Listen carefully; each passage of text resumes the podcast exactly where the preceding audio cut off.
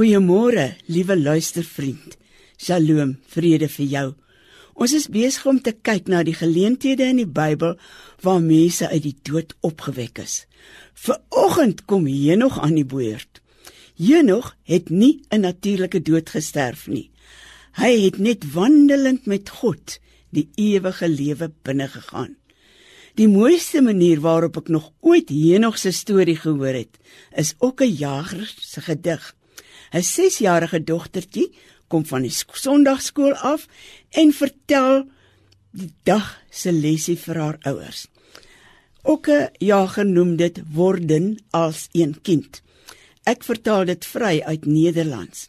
God en Henog was vriende en dus het God dikwels by Henog gekuier. In een oggend sê God vir Henog: "Wandel 'n entjie saam met my. Jou vrou sal wel vir die ete sorg." Henog sê: "Goed, ek kom nou-nou." Hy groet sy kinders. "Totsiens, ek is net nou weer terug." Henog en God het oor sy woord en baie ander sake gesels. En Henog wandele aldoor met God. En die voëls sing uit volle bors en die blomme langs die pad bloei en die bokke huppel met hulle kleintjies want God gaan verby. En Henog wandele aldoor met God. O Heer, sê jy nog, skielik vaal geskrik. Ons het nou al heeltemal te ver geloop. Kyk, daar is u huis al. Hoe kom ek ooit weer veilig tuis? Jy kom tog later by my woon, sê God. Kom sommer na nou saam met my binne. En hier nog wandele aldoor met God. Ons lees in Genesis 5 vers 24. En Henog het met God gewandel en hy was nie meer daar nie, want God het hom weggeneem. Weggeneem?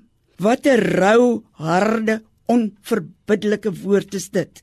Het jy dalk al iemand aan die dood afgestaan en dit is na jare se rou nog in jou binneste? Henog is weggeneem. Vir almal wat hom geken het, was dit dieselfde ervaring as dood, selfs erger. Maar kom ons kyk verder. Gelukkig staan hier geskrywe: God het Henog na hom toe weggeneem. Laat ons ook soos Henog daagliks met God wandel. Dan weet ons, ons sal ook soos Henog slegs oorstap tot binne in die Vader se huis. Daar waar die strate van goud gemaak is. In U naam sê ons dankie Vader dat U vandag ons hand vat en elke dag saam met ons wandel. Amen.